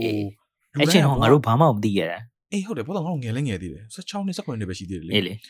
ဟိုဘာလို့ချင်းမှမသိဘူးကနေပြီးငါတို့တော့ကကြီးပွားလာတဲ့ဟာတွေဖြစ်ပြီးတော့မိသားစုအတိုင်းအဝိုင်းအကုန်လုံးပြီးတော့ငါတို့တငယ်ချင်းတွေကွာအခုအကုန်တငယ်ချင်းကိုကြည့်လို့ရှိရင်တော်တော်များများအကုန်လုံးကတင်မောသားတွေကွာတင်မောသားတင်မောသားသားသမီးတွေကွာပြောရရင်အင်းပေါ့အင်းပေါ့ငါတို့မြန်မာမြန်မာလူမျိုးတွေပေါ့အထူးသဖြင့်ကြားလို့ချင်းမြန်မာလူမျိုးတွေကတင်မောသားနည်းနည်းငါပြီးတော့ popular ဖြစ် a few ငါတို့ episode တော်တော်များများပြောခဲ့သလိုပါဆိုလို့ရှိရင်ကွာ expectation ဘာတော့မှဆိုလို့ရှိရင်ရန်ကုန်မှာဆိုလို့ရှိလို့ရှိရင်တင်မောသားနဲ့ဆရာဝန်ကနှစ်ခုလောက်ပဲဟိုဟာဟိုမိဘတွေကဟိုဟာအေးပေါ်ပေါ့သွားစီချင်တာ career ကွာ choice အေးအဲ့ပေါ့တော့စင်ကာပူအေးပေါ့မှာငါ ပေါ်ဟိုဟာပေါ့ပေါ်လီရှောက်လဲစရှောက်လဲရှောက်ကောပထမဆုံးငါလည်းတော့ပေါ်တင်မောသားပဲတော့အေးတင်မောသားတော့ရှိတော့အဲ့တော့ဟိုငါလည်းဘာဘယ်မှန်းလဲမှန်းလဲမသိဘူးစုံပြချဖို့ကလည်းငါချမအောင်ရပါငါမိဘတွေလည်းစုံပြမစားမစားမချချင်ဘူးဆိုတော့ကွာဘာလို့လဲဆိုရင်ငါတကယ်လို့စုံပြချခဲ့လိုက်လို့မှားဝခဲ့လို့ရှိရင်ကွာနောက်မှကျလို့ရှိရင်ငါတော့ကကိုယ့်ကို easy way ရောက်ဖြစ်သွားကွာပြောလို့ရှိရင်တလားအေးပေါ့လွယ်အေးကူပေါ့ရတယ်ဟောငါ blame လောက်ရကွာဟာဒါအမေကရွေးခိုင်းလို့ကျွန်တော်ရွေးလိုက်ရတာ အေးပေါ့အေးပေါ့တည်မှာအဲ့လိုမျိုးဖြစ်သွားတော့တည်မှာကိုက blame သူများကို blame လုပ်လိုက်တော့ကိုတော့ကလွတ်လပ်သွားတယ်ပုံစံဖြစ်သွားတယ်ကိုကဟိုကလွယ်လွယ်ကူနဲ့ကွာလုံးဝလွယ်ကူနဲ့ give up လုပ်လို့ရသွားတယ်ကွာပြောရရင်အေးပေါ့အေးပေါ့အဲ့တော့အဲ့တော့ကလည်းတော်တော်လေးလဲစုံမချဖို့တော်တော်လေးဟိုနည်းဖြစ်တယ်ကွာခက်လက်ခက်ပြီးတော့နောက်ပြီးတော့အချင်းကလည်းအခက်သက်ရှိသေးတယ်ငါတို့ကမှတ်မိလားငါတို့ဒီอืมမတိုင်ခင်မှာတင်မောဘာလို့တင်မောအဲ့တော့တင်မော line နဲ့တခြားဟိုဟို ဟို offer ရတဲ့ဟာနဲ့နှစ်ခုတက်တက်စီတင်မောတင်မောကျောင်းမှာရတဲ့ offer တက်တက်တစ်ခုပြီးလို့ရှိရင်ဒီတိုင်း officially မင်းလျှောက်တော့မှရတဲ့ offer တစ်ခုကွာနှစ်ခုရှိမယ်အဲ့နှစ်ခုတိုင်မယ်တစ်ခုရွေးရွေးအေးပေါ့အေးပေါ့အဲ့တော့အေးအဲ့ဒါပေါ့လေအေးပေါ့အချင်းကကန့်သက်ရှိသေးတယ်အဲ့တော့အဲ့လိုမျိုးဖြစ်ခဲ့လို့ရှိရင်ကွာဟိုငါအဲ့တုန်းကတော့အဲ့တုန်းကတော့ငါဆုံးဖြတ်ချက်ချတာကတေချာမစင်စားခဲ့ဘူးကွာပြောလို့ရှိရင်တေချာရေးရကိုက အဲ့တော့ငါမမိတာငါဆုံးဖြတ်ချတော့ဆိုလို့ရှိရင်အဲ့တော့ taxi ပေါ်မှာဟာနဲ့အခုမင်းကူကပြောသလို taxi တကယ်ချင်းဒီ business အရင်လုပ်မယ်ဆိုတော့တကယ်ချင်းနဲ့ငါတို့ကဟို taxi အတူတူစီးတော့ပြန်တာကွာ SBI taxi စီးအော်ပြန်အေးတာပြန်နေနေဟိုကအေးဟိုပါကလေအေးပါတင်မောလိုက်ရင်ကောင်းမလား JC သွားရင်ကောင်းမလားစဉ်းစားငါလေဒီအေးပါအေးပါ computer engineer ယူရင်ကောင်းမလားတင်မောလိုက်ရင်ကောင်းမလားစဉ်းစားငါတော့စဉ်းစားအပြီးတော့ငါတော့ဆုံးဖြတ်လိုက်ဟိဟောခေါင်းမနောက်ခံတော့ဘူးရှုပ်တယ်အေးပေါ့တင်မောမလိုက်တော့ဘူးကွာလို့အဲ့တော့တော့ငါတော့လွယ်ကူဆုံးဖြတ်လိုက်တာကွာဘာလို့အမှန်တည်းပြောလို့ရှိရင်အေးပါဘယ်ဟာကောင်းမှလည်းမသိဘူးကွာပြောလို့ရှိရင်ဒါပေမဲ့အခု ဟိုပြီးတော့မင်းကူနာဟိုကပြောလို့ကွာဟိုဒီပြဿနာဖြစ်လို့ရှိရင်ကွာမင်းကမင်းကိုမင်းဟိုပြန်ပြီးတော့တည်ရမလားတုံးတက်တယ်ဆိုတဲ့ဟာမျိုးမင်းကူနာပြောတယ်အဲ့အဲ့တော့အဲ့ဒါလဲကွာပို့ပြီးတော့ဟိုနေ့ဖြစ်တယ်ဘာလို့လဲဆိုလို့ရှိရင်ဟိုတခြားလူတွေကိုပြောင်းလဲဖို့အရန်ခတ်တယ်ကွာပြောရရင်မင်းလည်းပြောသလိုပဲတည်ရမမှန်တာလားပေါ့တခြားလူပြောင်းလဲဖို့သူမှန်တာများကိုမှန်တာဘယ်လိုသွားပြောင်းလဲဒါဟို relationship ကွာအေးပေါ့တည်ရမလားဆိုမှအေးပေါ့အတွင်းမှာအေးပေါ့ဆိုတော့မှကွာသူများတွေကိုပြောင်းလဲဖို့အရန်ခတ်တယ် ဟောငါတို့ဟို အေးပေါ့ နောက် next episode ကငါတို့တော့ကဟို pirates တွေအကြောင်းပြောမှာလေဒါလောက teaser ပေါ့ပြောတော့ဆိုငါလည်း အေးပါ အဲ့ အေးပါ တော့ငါလည်းအခု research နဲ့ငါလုပ်နေနေဒီဘာလို့တော့ငါတွေ့ရဲ့ဒီ code ကကွာငါအဲ့ episode မှာပြောဘူးလို့ အေးပေါ့ ဒါပေမဲ့အခုကဒီ episode အေး လိုက်တဲ့အတွက်ngāပြောအောင်ကွာ။ तू က Jack Sparrow ကွာ။ Pirate of the Caribbean အဲအဲ ငါပြန်ကြည့်တယ်ကွာ ပင်လေတမင်ပင်လေတမင်ရဲ့အကြောင်းပြောတာ ။ Pirate of the Caribbean ပြန်ကြည့်တယ်ကွာ။အဲ့ဒါပြန်ကြည့်တော့ तू ကအဲ့မှာအဒီအခန်းတစ်ခန်းမှာကွာဒီ Pirate of the Caribbean ကြိုက်လို့ဆိုသိပါလိမ့်မယ်။အခန်းတစ်ခန်းမှာ तू ကခုတ်ပါပြောလဲဆိုလို့ရှိရင်ကွာ။ The problem is not the problem လေ။ The problem is အေး your attitude about the problem ကွာ။ So is အေးပေါ့အေးပေါ့အေးပေါ့အော်မြန်မာလိုပါပြောလို့ရှိရင်မှန်ကွာပြဿနာပြဿနာမဟုတ်ဘူးကွာ။ဘာမှမပြောလို့ရှိရင်ပြဿနာကမင်းရဲ့စိတ်ကဘာပြဿနာကိုဘယ်လိုမျိုးဟိုဟာဆုံးဟိုဟာဘယ်လိုလဲစဉ်းစားလဲတုံးတက်လဲဆိုတာဟာအဲ့ဒါပြဿနာအေးပေါ့အေးပေါ့မှန်တတော့ည်မမှန်လားတော့ကိုယ့်ဘက်ကဆုံးဖြတ်တာအေးကိုပါယ့်ကိုယ့်ဘက်ကဟိုကြည့်တဲ့ပုံစံပေါ်မူတည်ရကွာဆိုအဲ့ဒါလေးကွာငါอืมရှိတဲ့ဘက်မှာပြောရမယ်အခုဒီတော့ငါပြောလိုက်တော့မယ်လားအေးပါလေတော့ဥဥဥပမာလေးဥပမာလေးပြောအောင်အဲ့ဒါအဲ့ဒါ ပြောလို့ရှိလို့ရှိရင်ကွာပြောပြောရမယ်ဆိုလို့ရှိရင်မင်းခုနကပြောတဲ့အတိုင်းပဲကွာတခါကျလို့ရှိလို့ရှိရင်ကွာဟိုလူတွေကငါတို့ငါတို့ကြည့်ချက်လို့ကွာအလုတ်အတိုင်းပေါ်မှာအလုတ်မှာပဲကြည့်လိုက်ကွာအလုတ်မှာကြည့်လို့ရှိလို့ရှိလို့ရှိရင်တကယ်လို့ကွာဟိုဟိုလူတိုင်းတော်တော်များသိကြလိမ့်မယ်ကွာဒီကလုံးရခတ်တယ်လို့ရှိသလိုအလုတ်တူလုပ်လို့ရလွယ်လူလည်းရှိတယ်ဟုတ်တယ်ဟုတ် အေး ဒါလည်းငါစောင်းတော့မှဖတ်မိတယ်ကွာအဲ့တော့တကယ်လို့သူများတွေကိုကွာကိုကအလုတ်လုတ်ကအရန်ခတ်တယ်လုတ်ကအရန်ခတ်တယ်လို့ပဲမစင်စားနဲ့ကွာ အေးပေါ့ ပြော အေး ရ ပေါ့ ရင် အေးပေါ့โอเค ဘယ်လိုစဉ်းစားလို့ရလဲဆိုလို့ရှိရင်သူတို့ကိုနည်းနည်း understand ဖြစ်အောင်လုပ်မယ်ကွာသူတို့ရဲ့ background နော်ဟုတ်ပြီသူတို့ကအေးဘယ်လိုဘယ်ကနေလာလဲပြောလို့ရှိလို့ရှိရင်ကွာတကယ်လို့မင်းကတအဲ့ကမှာယ်လို့မင်းကိုတင်ပေါ်မှာဆိုလို့ရှိရင်ကွာဟို race နဲ့ languages different လူတွေရှိတယ်ကွာပြောရရင်ဟုတ်မှပါန်ပါအိန္ဒိယမှန်ပါလာလို့အေးရှိပေါ့လို့ China လာလို့ရှိလိမ့်မယ် Korea လာလို့ရှိလိမ့်မယ်အေးပေါ့အဲ့လိုလူတွေရှိလိမ့်မယ်အေးအဲ့ပေါ့တော့အေးဒါပေါ့ပေမဲ့သူတို့လုပ်တဲ့ပုံစံတွေအကုန်လုံးကလည်းကွာတယ်နော်ဘာလို့လဲဆိုရှင်နိုင်ငံတကာနိုင်ငံကနေတော့ပညာရေးနဲ့ဟိုဘယ်လိုစီးကန်းတွေကလည်းကွာတယ်လေ သိရမလား အေးပေါ့ ဟို ဟိုအလုတ်အလုတ်လုတ်တဲ့ style ပေါ့သဘောကတော့ อืมလို့လို့ဆန်လည်းကွာတယ်ဟုတ်တယ်မလားခါကျလေတချို့လူကြတော့လည်းလောက်တာ อืม short cut တွေလောက်လို့တချို့လူတွေကတခြား systematic လောက်တာလည်းရှိရကွာပြောရရင်ဒါပေမဲ့ အေးပေါ့အေးပေါ့ ဟိုအဲ့လို ကိုအရာသားလေးနဲ့ကိုပေါ့ อืมအဲ့လိုပြောတာကွာတဲ့လူကွာမင်းခက်ခဲရဆိုတော့မစဉ်းစားလိုက်နဲ့ကွာစဉ်းစားဘာစဉ်းစားမလဲဆိုရင် okay သူတို့ကမင်းနဲ့မတူဘူးဒါပေမဲ့ဘာတွေမတူလဲဘာကြောင့်မတူလဲဆိုတော့မင်းနနားလဲလို့ရှိလို့ရှိရင်ကွာသူတို့အလုပ်လိုကအရင်လွယ်ပါအောင်ဟုတ်လား အေးပေါ့အေးပေါ့အေးပေါ့မှန်တော့မှန် ဟုတ်တယ် တော့ မလားသူများတွေကခါအလုပ်လိုကရန်ခက်ခဲတယ်စဉ်းစားလိုက်တာနဲ့ ကိုကအဲ့လူနဲ့အလုပ်မလုပ်ရှင်တော့ဖြစ်သွားအောင် အေးပါအေးပါ ငါသိမှာဟာဒီလူကြီးကဒီလူနဲ့လုံးဝမယ်ဟာမလုပ်ချင်တော့ပဲအဲ့လိုဖြစ်သွားအောင် အေးပါ ဒါပေမဲ့တကယ်လို့ အေး စ ပါ လိုက်လို့ အေးပါ okay ဒီလူကခက်ခဲတယ်ဒါပေမဲ့ဘာလို့ခက်ခဲလဲဆိုတာကဒီဟာဒီဟာကြောင့် तू ကဘယ်ကကြီးပွားလာတယ် तू ကဘာဘာဖြစ်လို့ အေးပါ လဲ အေးပါအေးပါ ဟိုအင်္ဂလိပ်စာကောင်းကောင်းမ အေးပါ တက်လို့ तू ကဒီလိုမျိုးပြောတယ်အဲ့လိုမျိုးဟာမျိုးနားလည်သွားလို့ရှိလို့ရှိပါ communicate လုပ်ရလဲပို့လွယ်သွားမယ်အလုပ်မှလည်းပို့ပြီးတော့ အေး အ ပါ လုပ်လုပ်ရ အေးပါ ပို့လွယ်တယ်ကွာသူ့ဘက်ကိုနားလည်သွားရင်ပို့ရင်ပဲအမှတော့ကိုယ့်ဘက်ကနေလို့အရင်ဆုံးကွာ open arms လုပ်မှာကွာသူများတွေဘက်ကနေခုန်ဖြစ်မှာကွာပြောရရင်သိရမလား အေးပါအေးပါအေးပါအေးပါအဲ့လိုမျိုးပေါ့အေးအဲ့ပါအဲ့ဒါ example ကွာ one of the example ကွာပြောလို့ရှိလို့ရှိရင်အေးပါအေးပါအေးပါအေးပါအေးပါမနော်မနော်ဟိုမာဟုတ်တယ်မ तू ဥပမာလေးဥပမာလေးဥပမာလေးသူများကိုသူများကိုကိုကနေအေးပြီးပါတော့တွားပြီးတော့ပြောင်းလဲအောင်လုပ်လို့မရပဲကိုကသူများကိုနားလည်သွားရင်ပို့ပြီးလွယ်ကူအောင်ကွာအေးပါအေးပါမှန်တော့မှန်တော့ဒါလည်းဒါလည်းဗျာဟိုဗာလဲကျွန်တော်တို့ကတော့ဟို expert တွေမဟုတ်ပါဘူးဟုတ်လားလုံးဝဟိုလုံးဝဟိုကျွမ်းကျင်တဲ့လူတွေလည်းမဟုတ်ဒါပေမဲ့ကျွန်တော်တို့ရဲ့အတွေ့အတွေ့အကြုံည ဟုတ်တယ်ဒီဥစ္စာဒီလိုမျိုးဒီလိုမျိုးနီးရပါတော့ကျွန်တော်တို့အတွက်ပေါ့နော်အခုကိုအောင်နဲ့ကိုမုံတို့ကတော့ဟိုအဆင်ပြေတယ်လို့ပြောလို့ရတာပေါ့နော်ဟုတ်တယ်ကျွန်တော်ရဲ့ဟိုဗာလဲကပတင်တယောက်ရှိတယ်ဟိုမြန်မာမြန်မာကပတင်တယောက်ဟိုကပတင်စော်မင်းတော်ဆိုတာကျွန်တော်ကျွန်တော်တင်မောမှာရေးလဲတင်ပေးတာအဲ့ဆရာ तू तू ပြောတာလဲအဲ့လိုပဲဟင်းစပါသူများကိုပြောင်းလဲမယ်စာကိုပေါ့ကိုကိုပေါ့ကိုပြောင်းပါလားတဲ့ကိုပေါ့ကိုပြောင်းလို့ရှိလို့ရှင်ဟိုမင်းမင်းခုနကပြောလို့ပဲနော်ဟိုအများကြီးအများကြီးလွယ်တာပေါ့ခုနကမင်းပြောတဲ့ quote ကလေးလိုပဲဟို your attitude about the problem is the problem อืมဟုတ်တယ်နော်မင်းရဲ့မင်းရဲ့ဒီစားပါလေဒီဒီဒီပြဿနာတစ်ခုကိုဘယ်လိုမျိုးဖြေရှင်းလဲဆိုတာဟိုအရှင်းဆုံးဥပမာလေးပေးရတယ်ဆိုရင်မီဒီကျွန်းရတယ်ကွာမီဒီကျွန်းရလို့ရှိရင်ဟာဒီစောက်မီဒီကလည်းကျွန်းမြန်ပြီဒီဆော့ဆော့တွေကပို့ပြီးတော့အသက်ပြင်းတော့ဖြစ်တယ်ဘာဖြစ်တယ်ညာဖြစ်တယ်ဆိုပြီးတော့ဟုတ်တယ်အဲ့မှာကိုယ့်ဘက်ကိုကောကောနေတာပေါ့နော်အဲ့ခါကျလို့ရှိရင်ဟောဒေါသတွေလည်းထွက်လဲကိုကစိတ်မချမ်းသာတော့ဘူးဒါပေမဲ့ဒီမီဒီကျွန်းရတဲ့ဥစ္စာကိုကိုယ့်ဘက်ကိုစိတ်တန်းဟော ကျွန်းရပြန်ပြီအဲဒီဒီ brand သိပ်မကောင်းဘူးပေါ့ကဲနောက်တစ်လုံးဝယ်ပြီးတော့ကိုယ့်ဘက်ကိုတတ်လိုက် ဟုတ်တယ် အဲအဲ့ဒါမျိုးစိတ်နဲ့အဲ့ဒါမျိုးစိတ်နဲ့ခုနကလိုမျိုးဟိုဒေါသတွေထွက်ပြီးတော့မောဟတွေများနေတဲ့ပုံစံနဲ့ဆိုလို့ရှိလို့ရှိရင်အဲကိုကပို့ပြီးတော့ဥစားပါလဲဒီဘာမှတိတ်ပြီးတော့ဒေါသမောဟတွေမထွက်တဲ့လူကပို့ပြီးတော့စိတ်ချမ်းသာတာပေါ့ဟုတ်လား อืมဟုတ်တယ် အဲ့မျိုးပေါ့အဲဆို example အဲ့ဒါမျိုးပဲပေါ့ သူတို့က ဟို decision အဲ ငါတို့ငါတို့ ਨੇ site track နေဖြစ်သွားသူ decision making လို့ပြောအောင်ဆိုတော့ဟိုငါနည်းနည်း research နဲ့လုပ်နေနေကွာဟို online မှာပေါ့နော်သူတို့ဒီ ဟို decision making လုပ်မယ်ဆိုလို့ရှိရင်ကွာဘယ်လို strategy ဆိုတာခုနှစ်မျိုးရှိတယ်ကွာ7 step ရှိတယ်ကွာခုနှစ်ချက်ပေါ့နော် ဟုတ်တယ် ဒါလေး ဟု န တ် ည်း တ န ယ် ည်း ဟုတ်တယ်ငါတို့နည်းနည်းပြန်ပြီးတော့ဟို decision making ပဲပြန်သွားအောင်နည်း site track နည်းနည်းဖြစ်သွားဟိုကသူများပြောတာအဲ့တော့ကွာ तू ကဘယ်လိုပြောလဲဆိုလို့ရှိရင်ဒါဟိုပထမတစ်ချက်ကတော့ तू ကဘာလုပ်ရမလဲဆိုလို့ရှိရင်ねဟို investigate the situation ကွာ in details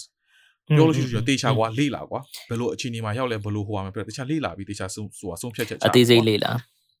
အေးပေါ့ ပြီးလို့ရှိလို့ရှိရင်ကွာဟို ကိုယ့်ရဲ့ဂုဏ်နောက်အုံနောက်ထဲမှာပဲကွာ तू ကပြောတာ create a constructive environment နဲ့ပြောလို့ရှိရင်တော့အမှန်တော့တချို့တစ်ခါရရင် decision making နေမှာကွာဟို อืม construction environment မလုပ်နိုင်ခင်မလုပ်နိုင်မဲ့ကွာခေါင်းအုံနောက်ထဲမှာနည်းနည်းကွာစဉ်းစားလိုက်ကွာသိရမလား info ကွာ situation အကုန်လုံးသိ အေး ရမ ပေါ့ လား အေးပေါ့ ဘယ်လိုဖြစ်မလဲဘယ်လိုဖြ အေး စ်မ ပေါ့ လဲ အေးပေါ့ ပြီးလို့ရှိလို့ရှိရင်တခြား မှန်တော့မှန် alternative တွေလည်းကွာ तू စဉ်းစားပေးတဲ့じゃဒီမှာမှန်တဲ့ဟိုပေါ့နော်ကောင်းတဲ့ alternative ရှိလို့ရှိရင်လည်းစဉ်းစားပေးပြီးလို့ရှိရင်အဲ့ဒီအဲ့ဒီ option တွေထဲမှာကွာစဉ်းစားပြီးတာလည်းအဲ့ဒီ option တွေကဘယ်လိုမျိုးအောက်ခတ်ဖြစ်နိုင်လဲဆိုတော့သူကပြန်ပြီးသုံးသပ်ကွာ อืมอืม อืมသူကအဲ့လိုပြန်ပြီးသုံးသပ် မှန်တော့မှန် ပြီး တော့ လို့ရှိလို့ရှိရင်ဆုံးဖြတ်ချက်ချပြီးတာနဲ့ကွာနည်းနည်း every decision ပြီးလို့ရှိရင်ကွာ तू ကပြောတဲ့သဘောမျိုးကဟိုပေါ့ evaluate ပြန်လို့ကွာသိမလားကို decision လုပ်ပြီးလို့ရှိရင် evaluate ပြန် မှန် လို့ တော့မှန်တော့ အဲ့တော့ဒီဟာလေးကတချို့လူတွေဒါကတော့ဒါသူတို့က7 step ကကွာသူတို့ကတေချာဒါဘယ်လိုပြောမလဲဟိုအကြမ်းမြင့်ကွာဒါ guideline လို့လုပ်ထားတာကွာလူတိုင်းလို့လို့တော်တော်များများက အေး သုံး ပေါ့ ချင်မှလည်းသုံးမယ်ကွာဒါပေမဲ့တချို့ step တွေကြောက် မှန် လေ တော့မှန်တော့ ဟိုတေချာဟိုပေါ့နော်ငါဆိုလို့ရှိလို့ရှိရင်ကွာပြောလို့ရှိရင်ဒီ step နှစ်ခုသုံးခုလောက်တော့သုံးဖြစ်တယ် ဘယ်လိုသုံးပြလဲဆိုလို့ရှိရင် example ကွာငါလည်းအဲ့လိုပေါ့မင်းလို့ပြောရမယ်ဆိုလို့ရှိရင်ဒီလူငယ်နှစ်လတွေမှာငါမင်းကိုပြောတယ်ဒီ decision making ကြောင်းပြောမယ်ဆိုတဲ့တုန်းကကြာဘာဖြစ်လဲဆိုလို့ရှိရင်အေးပေါ့အေးပေါ့ငါအလုပ်ကအပြောင်းလဲလုပ်ဖို့အတွက်ဖြစ်နေတယ်ကွာအချိန်တွေကအဲ့တော့တော်တော်တော်တော်ဆိုးတာဘာဖြစ်လဲဆိုလို့ရှိရင်ကွာငါမှအလုတ်ကငါရှောက်လိုက်တယ်အလုတ်ကိုငါဘယ်မှာရှောက်အောင်အလုတ်300ရှောက်တယ်ကွာဟုတ်ပြီ300ရှောက်တယ်300ရှောက်တဲ့အချိန်မှာဟိုငါမှအဲ့တော့ဖြစ်မယ်ဆိုလို့ကြော what if တွေရော constraint တွေဟိုဘယ်လိုမဲ့ဒီဟိုအကန့်အသတ်တွေလည်းအများများတယ်ကွာအဲ့ဘက်မှာ ဘာဖြစ်လဲဆိုလို့ရှိရင်ငါအလုတ်3ခုငါရှောက်လိုက်တဲ့အချိန်မှာအလုတ်3ခုလုံးကငါ့ကို offer ပေးတယ်သူကအလုတ်3ခု offer ရတယ်ပြီးလာမဲ့ဘာဖြစ်လဲဆိုတော့ဒါလူတိုင်းကဒါပြောချင်တာ decision ဘောနော်ဘဝမှာအရေးကြီးတဲ့ဆုံးဖြတ်ချက်ချမယ်ဆိုလို့ရှိရင်မလောနဲ့အေးအရေးကြီးဆုံးကမလောနဲ့ဘာလို့လဲဆိုတော့ okay ဘာဖြစ်တော့လဲဆိုတော့ okay ဒါ back story လေးပေးမယ်ကွာပြီးလို့ရှိရင်အဲ့တော့နှစ်ခုကကြတော့ငါတို့ကဟာ job agency နဲ့ရှောက်တာကွာ ဒီစင်ကာပူမှာရှိတဲ့လူတွေဆိုရင်သိလိမ့်မယ်ကွာတော်တော် job agency တွေရှိတယ်ကွာဒီအလုပ်တွေကိုသူကသူကကူပြီးတော့ရှောက်ပေးတယ်သူက အေးပေါ့အေးပေါ့ သူကဟိုဟာလို့ပေါ့နော်ဂျား အေးပေါ့ ပွဲစား မြန်မာမြန်မာမြန်မာဘာညာဆိုရင်တော့အေးပေါ့ပွဲစားငှားပြီးတော့အလုပ်ရှာနေတာပေါ့တဘော အဲအဲ့လိုမျိုးပွဲစားတွေရှိတယ်ကွာအဲ့တော့ဒီအလုပ်နှစ်ခုကငါပွဲစားရရတာကွာ ဒါပေမဲ့အဲ့အလုပ်နှစ်ခုကရှောက်လိုက်တဲ့ပွဲစားနှစ်ယောက်လုံးကပွဲစားကုမ္ပဏီတစ်ခုတစ်ခုထဲမှာသူကအတူလုပ်တာ အေးအိုး ဟုတ်ပြီနော် โอเคโอเค ပြီးတော့နောက်ထပ်ကုမ္ပဏီကကြတော့ငါဟိုဟာ drive shot တာကွာ drive shot တော့ဒါဟိုခုနေ့ပြောငါ shot တဲ့ကုမ္ပဏီက Singtel ကွာ Singtel ငါ drive shot တာအဲ့ဒါငါ drive ကငါရသွားတယ်ဒါပေမဲ့အဲ့တော့သုံးခုလုံးကငါ offer ပေးတယ်ဒါပေမဲ့ Singtel drive ငါ shot တဲ့ဟာကွာဒီတော့တဲတို့ဟိုတန်း shot တဲ့ဟာကနေငါ့ကိုတီး pressure မများဘူးကွာ pressure များတာအဲ့ဒီ agency ကငါ shot တဲ့ဟာကွာ pressure အရင်များတယ်များရဆိုတော့ဘာဖြစ်လဲဆိုလို့ရှိရင်သူတို့ကလည်းကွာ okay ပွဲစားဟိုဒီစင်ကာပူမှာပေါ့နော်ဒီအလုပ်ရှောက်နေမဲ့လူတွေပါဒါပြောပြပါပေါ့နော်ပွဲစားတွေကသူကဘယ်လိုလုပ်လဲဆိုလို့ရှိရင်ကွာ ကုမ္ပဏီကြီးကနေပြီးတော့အလုပ်ကိုသူတို့ရှောက်ခိုင်းလို့ရှိလို့ရှိရင်ကုမ္ပဏီကပြောတယ် okay ငါကဒီ position ဒီ position တွေ့တဲ့လို့တယ်ဒီအလုပ်ကိုမင်းတို့ရှာပေးငါ9000ပေးမယ် example ဟုတ်ပြီနော် อืม 9000ပေးမယ်ဒီဒီ position အတွက်လူတယောက်တယောက်ငါ9000ပေးမယ်အဲ့တော့ agency ကသွားရှာတယ်ဒါပေမဲ့ agency ကမင်းကို offer လုပ်မှာ3500 offer လုပ်တယ် อืมอืมอืม ဟုတ်တယ်နော်ဂျားထဲမှာ तू က1500 तू ကစားတယ် အေး ဟုတ်တယ်အဲသူတို့အဲ့လိုမျိုးအေးပေါ့သူတို့ကလည်းစားကျင်တော့မင်းကိုလိုက်ပြီး pressure ပေးတာပေါ့သူကလည်းစားကျင်အခါကျတော့ငါ့ကိုကွာအဲ့တော့ဆိုလို့ရှိရင်ငါ video call conference call တွေကွာတရက်ထဲမှာငါ၄ကငါထိုင်ရတယ်သူတို့နဲ့နော်အေးသူတို့ကနေဘလို့လဲဆိုငါပထမတော့တော့ကွာငါလည်းအမအလုတ်ကလည်းလုံနေသေးတယ်ကွာအလုတ်ကလည်းအဲ့တော့အရန်ကိုအလုတ်ရှော့တာငါမင်းကိုကွာပြော audit ပြီးရွယ်ကွာအလုတ်ကအရန်ကိုရေးလိုက်ရှော့ဟိုပြီးဒီပြီးကိုလုံနေရတဲ့အချိန်သူတို့ကလည်းဂရီဂရီဒီဖုန်းဆက်တယ်ငါပြောမဟုတ်ဘူးခဏနေတခြားဆုံးမပြီးခုနေပြောမဟုတ်ဘူးချက်ချင်းပြောမှရမယ်ဟိုဘက်ကိုပြန်ပြောရမယ်ဟိုအာလူကအရန်ကိုလောတာငါ့ကို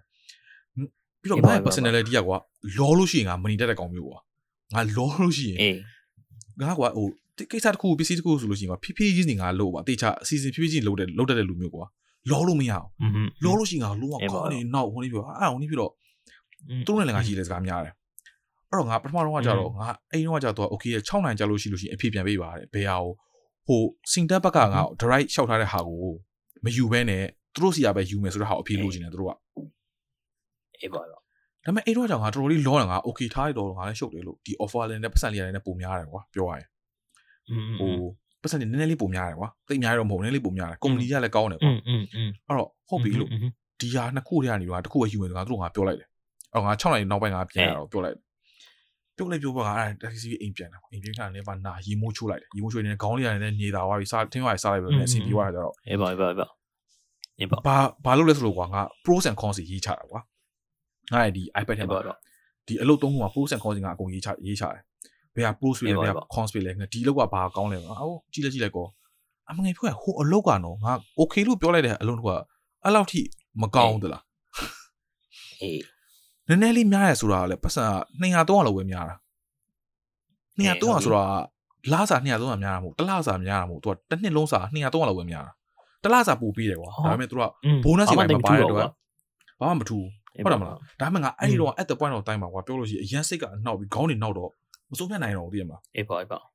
ဖြစ်စီဖြစ်စီငါပြောလိုက်ပုံစံမျိုးဒါပေမဲ့အေးအေးဒါကပထမဆုံး lesson ပထမဆုံး lesson ကကြတော့ပြောချင်တာကမလောနဲ့ကိုကတကယ်လို့ဆုံးဖြတ်မယ်ဆိုလို့ရှိရင်ကွာမလောပဲနဲ့တေချာဟိုသူများတွေကအရန်လောခိုင်းနေတော့မှ okay ကျွန်တော်စဉ်းစားပြစီဆိုပြီးတော့ပြောပြီးတော့ခဏလေးအချိန်ယူလိုက်15မိနစ်စလောက်ကွာအိမ်သားထဲမှာတွားပြီးခဏလေးချိုးလိုက်ပြီးတော့လည်းဆုံးဖြတ်လို့ရတယ်အေးပါအေးပါဟောလောလိုက်တဲ့ခါကျတော့ decision ကလုံးဝမမှန်တော့ဘူး သိရမလားဒုတိယတစ်ချက်ကဒုတိယငါပြောချင်တဲ့အပိုင်းကကျတော့ဘာဖြစ်လဲဆိုလို့ရှိရင်လောပြီးတော့ decision ကခုနကငါပြောသွားပြီသူတို့ငါပြောသွားပြီနော်မလုပ်တော့လို့ငါပြောလိုက်တယ်ဒါပေမဲ့ contract တွေပိုင်းက sign မထိုးရသေးဘူးဟုတ်ပြီတချို့လူတွေကကြတော့ဘာဖြစ်လဲဆိုလို့ရှိလို့ရှိရင်ကွာအဲ့လိုလုပ်ပြောလို့ရှိလို့ရှိရင်ပြန်ပြီးတော့မပြောချင်လူရှိတယ်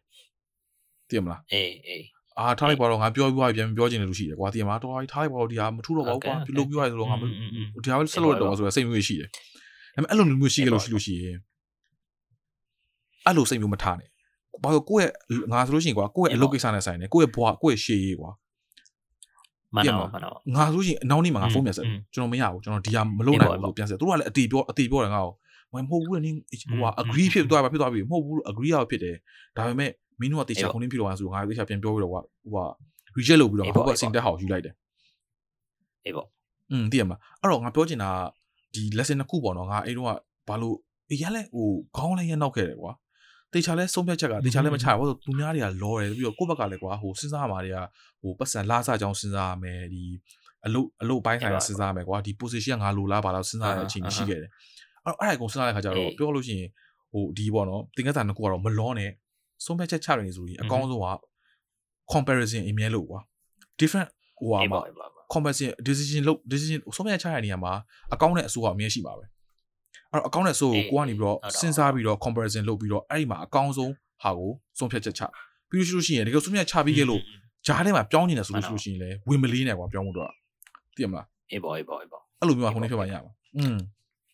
အဲ့တော့က story လေးပေါ့အေးပေါ့ဗျာကျွန်တော်တို့ပုံမြင်လေးတွေအတွေ့အကြုံလေးတွေ share တာပေါ့ဒါကတော့အဲ့လိုလေး share တာအတွေ့အကြုံလေးတွေ share ပြီးတော့အင်းပေါ့ရတဲ့ရတဲ့သင်ခန်းစာလေးတွေကိုလည်းကျွန်တော်တို့နားထောင်တဲ့ပရိသတ်တွေနည်းနည်းအထောက်အကူပြအောင် share တာပေါ့ဒါကတော့ကျွန်တော်တို့ရဲ့ဒီဒီဒီအပိုင်းလေးဒီနေ့ဒီနေ့ podcast အပိုင်းလေးရဲ့ဟိုအဓိကကြီးရွယ်ချက်ပေါ့ဟုတ်လား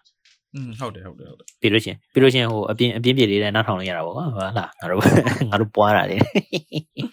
အင်းပေါ့ဟိုခဏကောင်ပြောတဲ့ဟိုပုံမြင်ပုံမြင်ကိုပဲဟိုပေါ့နော်ကောင်ရဲ့ဒီအတွေ့အကြုံကိုပဲပြန်ပြီးတော့သုံးသပ်ရမယ်ဆိုလို့ချင်းပြန်ပြီးတော့အချုပ်ပြန်ချုပ်တာပေါ့နော်ခုနကတော့ကောင်ခုနကပြောတဲ့ဒီဟို7 steps decision making ဆိုတဲ့ဥစ္စာကလည်းဟိုကိုယ့်ရဲ့ပြဿနာကိုပြန်ပြီးတော့ဟို